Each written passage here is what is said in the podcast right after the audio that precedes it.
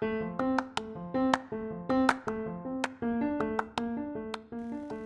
hai, halo adik-adik, apa kabarnya nih? Pasti sehat dan baik-baik saja kan? Nah, kali ini Kak Abel, Kak Iga, dan Kak Alia akan membahas penggolongan hewan berdasarkan jenis makanannya Untuk episode pertama akan dibahas oleh Kak Abel ya Adik-adik, hewan itu terbagi menjadi tiga golongan Yang pertama herbivora, yang kedua karnivora, dan yang ketiga omnivora kita bahas satu-satu yuk. Yang pertama ada herbivora. Herbivora merupakan jenis hewan pemakan tumbuhan. Hewan dalam golongan ini menjadikan bagian tumbuhan sebagai sumber makanan dan sumber energinya. Hewan ini memiliki ciri struktur gigi geraham yang rapat. Contohnya yang bisa kita jumpai di sekitar kita adalah sapi, kambing, gajah, dan masih banyak lainnya. Yang kedua ada karnivora. Karnivora merupakan hewan jenis pemakan daging. Pada umumnya bertindak sebagai predator atau pemangsa. Ciri dari hewan ini memiliki gigi taring yang kuat dan tajam. Tujuannya untuk mencabik mangsanya. Contohnya singa, harimau, dan masih banyak lainnya. Yang ketiga ada omnivora. Omnivora merupakan hewan pemakan segalanya memiliki ciri gigi seri, gigi taring, dan gigi geraham yang lengkap. Contoh hewannya ada ayam, landak, simpanse, dan masih banyak lainnya. Nah, sekian pembelajaran yang bisa kakak sampaikan. Selanjutnya akan dilanjut oleh Kak Iga. Kakak harap kalian bisa belajar lebih banyak lagi ya. Dan terima kasih.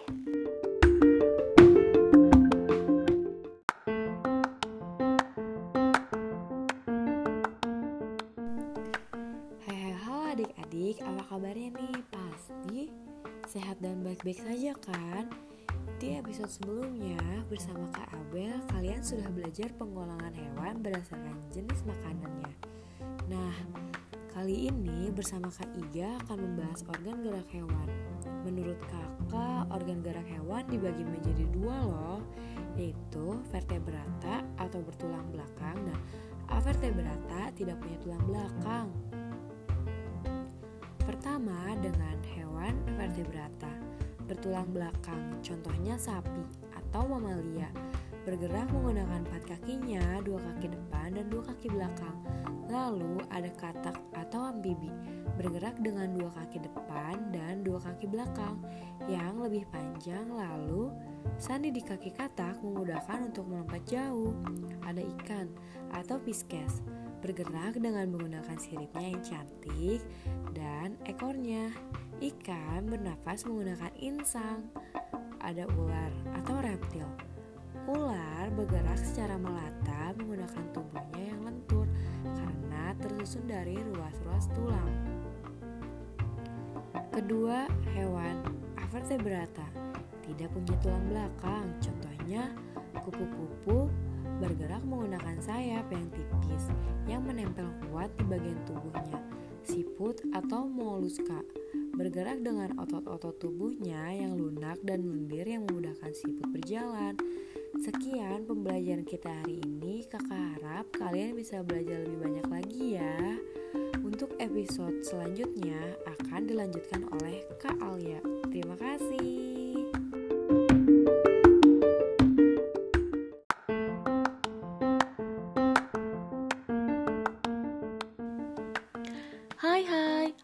Adik-adik, apa kabarnya nih? Pasti sehat dan baik-baik saja kan? Di episode sebelumnya, bersama Kak Iga, kalian sudah belajar tentang penggolongan hewan berdasarkan jenis makanannya dan organ gerak hewan. Nah, kali ini bersama Kak Alia, kita akan membahas tentang alat pernafasan hewan.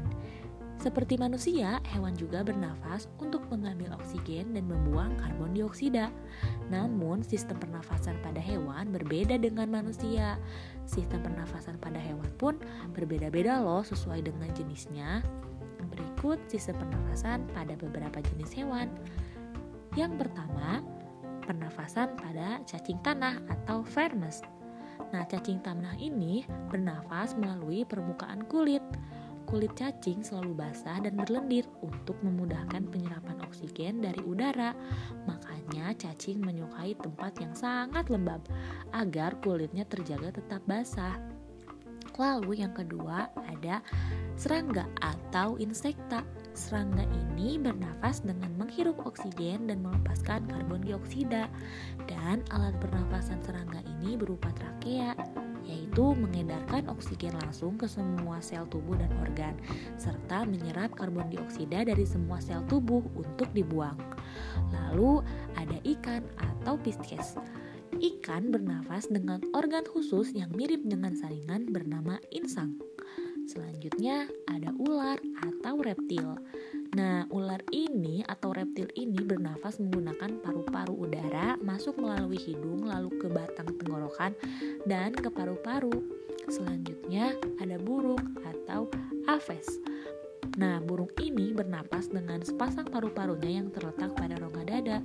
Nah, tahu gak sih, burung ketika terdiam tidak terbang itu dia menghirup udara sebanyak-banyaknya, tetapi saat terbang di udara dihembuskan dari kantong udara ke paru-paru. Selanjutnya ada sapi atau mamalia. Alat pernafasannya melalui hidung, pangkal tenggorokan, batang tenggorokan, dan paru-paru. Mungkin sekian saja pembelajaran kita hari ini. Kakak harap kalian bisa belajar lebih banyak lagi dari pembelajaran yang sudah Kak Anissa, Kak Iga, dan Kakak sampaikan. Terima kasih, sampai jumpa lagi.